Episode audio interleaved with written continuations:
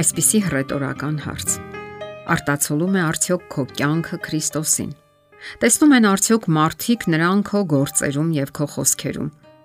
Շատերն իսկապես վկայում են Աստծուն խոսքով եւ նվիրաբերված կյանքով։ Մի 90-ամյա ծերունի ընդունեց Հիսուսին եւ մկրտվեց։ Ջրից դուրս գալով նա այսպես ասաց. Ինչու այսքան ուշացա։ Ես գիտեմ, որ Աստված սիրում է ինձ, որ ներել է բայց ես այլևս ուժ չունեմ նրա համար որևէ բան անելու։ Այդ ծերունին իսկապես ուժ չուներ, սակայն երիտասարդներն ունեն այդ ուժը եւ շատ բան կարող են անել։ Հիշենք նաև խաչի վրայի ավազակին, ով իր կյանքի վերջին պահին ընդունեց Հիսուսին։ Սակայն շատերն այդպես էլ չեն ընդունում։ Նրանք դնջում են առանց ճանաչելու աշխարհի լույսին։ Մեր փրկությունը Հիսուսին ճանաչելու եւ նրան վկայելու մեջ է։ Հակառակ դեպքում մենք հարատևում ենք խավարի եւ հուսահատության մեջ, եւ շատերն այսօր հենց այդպես էլ վարվում են։ Նրանք մերժում են Հիսուսի հավիտենական սերը։ Հիսուսն այսօր թակում է մեր սրտերի դուռը։ Ամեն պահի մենք հնարավորություն ունենք բացելու մեր սիրտը նրա առաջ։ Այսօր, քանի դեռ չի եկել հոգու խավարը եւ ցերեկը, պետք է ընդունենք նրան, որովհետեւ կգա գիշերը եւ ոչ ոք չի կարող այլևս գործել։ Գործել նշանակում է նաև ժամանակ գտնել մարդկանց հետ շփվելու, նրանց լավ բաներ ասելու, լավ հույզեր փոխանակելու համար։ Ժամանակը տարօրինակ երևույթ է։ Այն հակում ունի լծվելու աշխատանքով, կենցաղով եւ ունայնությամբ։ Այն հավերժական է, իսկ մարդիկ ոչ։ Այդ պատճառով էլ հարկավոր է խելամիտ օգտագործել այն եւ լցնել հարազատ մարդկանց հետ շփումներով։ Մարդիկ, ովքեր թանկ են եւ հետաքրքիր են մեզ համար։ Մեկ անգամ եւս զանգահարել նրանց, հարցնել ինչպես են գործերը, հravirել թեյի։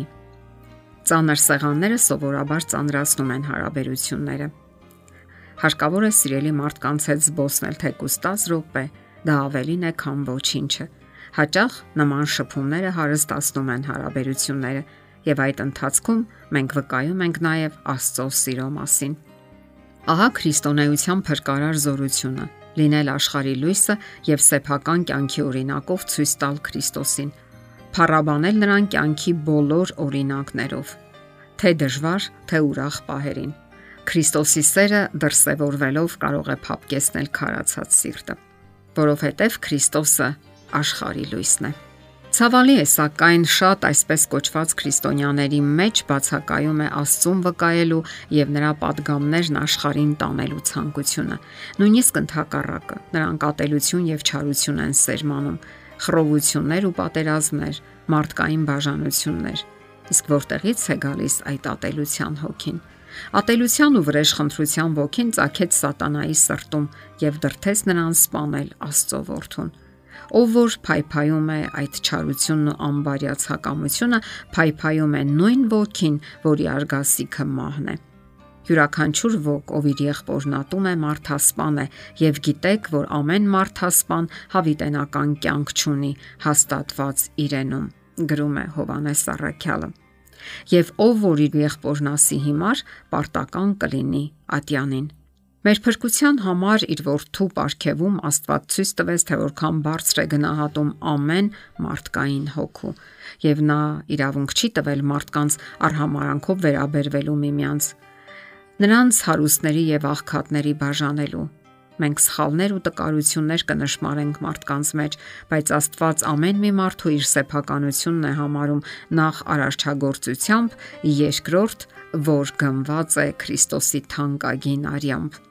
Բոլորն էլ իր կերպարով են ստեղծված եւ յուրաքանչյուր ընկած մարդու հետ պետք է վարվել հարգանքով եւ մեղմությամբ։ Աստված հաշիվ կպահանջի մեզանից նույնիսկ արհամարական խոսքերի համար, որն ասվել է այն մարդու հասցեին, ում համար Քրիստոսն իր կյանքն է տվել, որովհետև ով է քեզ որոշում, ինչ ունես դու, որ չես առել, եւ եթե առել ես, ինչու ես པարծենում չառածի պես, դու ով ես, որ ուրիշի ծառային դատում ես, իր տիրոջ համար է կանգնում կամ ընկնում։ Սրանք էլ Պողոս Արաքյալի խոսքերն են։ Վերածնված կյանքի մեկ այլ պատմություն. Մի երիտասարդ լքում է հայրական տունը, երբ ընդամենը 20 տարեկան էր։ Նրան ձգում էր արկածների իրեն դրսևորելու, հաստատելու ծարավը։ Նա սկսեց ապրել առանց կանոնների, բուրըն զվարճություններով։ Սկզբում ամեն ինչ հրաշալի էր, սակայն ծխախոտի, ալկոհոլի եւ թմրանյութերի շղթան նրան բանտ նետեց։ Վերջ, ամեն ինչ կորած է, հիասթափված ու հուսահատված մտածում էր նա։ Սակայն մի օր բանտ է այցելում հոգևոր ծառայողը եւ պատմում Հիսուսի զարմանահրաշ սիրո մասին։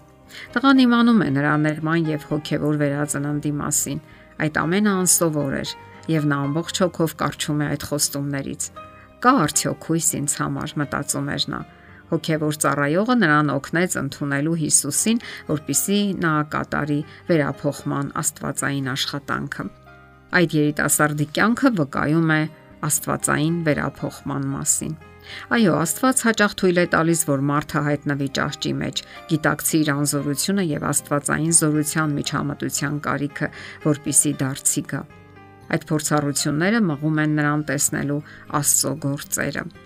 Գլխավորը գիտակցելն է, որ Աստված գործում է եւ որ յուրաքանչյուր մարդ մեղքով է ծնվել եւ վերափոխման կարիք ունի, հոգեվոր վերածննդի կարիք, նոր կյանքի եւ մարդկանց սիրելու համար։ Իսկ դա կարող է անել միայն Աստված։ Աստծուն հաճո են ոչ թե մեծ գործերը, այլ մեծ սերը, որով արվում են դրանք կյանքը շատ կարճ է այն բանի համար, որ առավոտյան արթնանանք եւ սկսենք տրտնջալ։ Սիրեք նրանց, ովքեր հարգանքով են վերաբերվում ձեզ, ներեցեք նրանց, ովքեր անարդար են ձեր հանդեպ։ Հիշեք, որ այս կյանքում ամեն ինչ շատ արագ է անցնում։ Եթերում հողանջ հավերժության հաղորդաշարներ։ Ձեզ հետ է Գեղեցիկ Մարտիրոսյանը։ Հարցերի եւ առաջարկությունների համար զանգահարել 033 87 87 87 հեռախոսահամարով։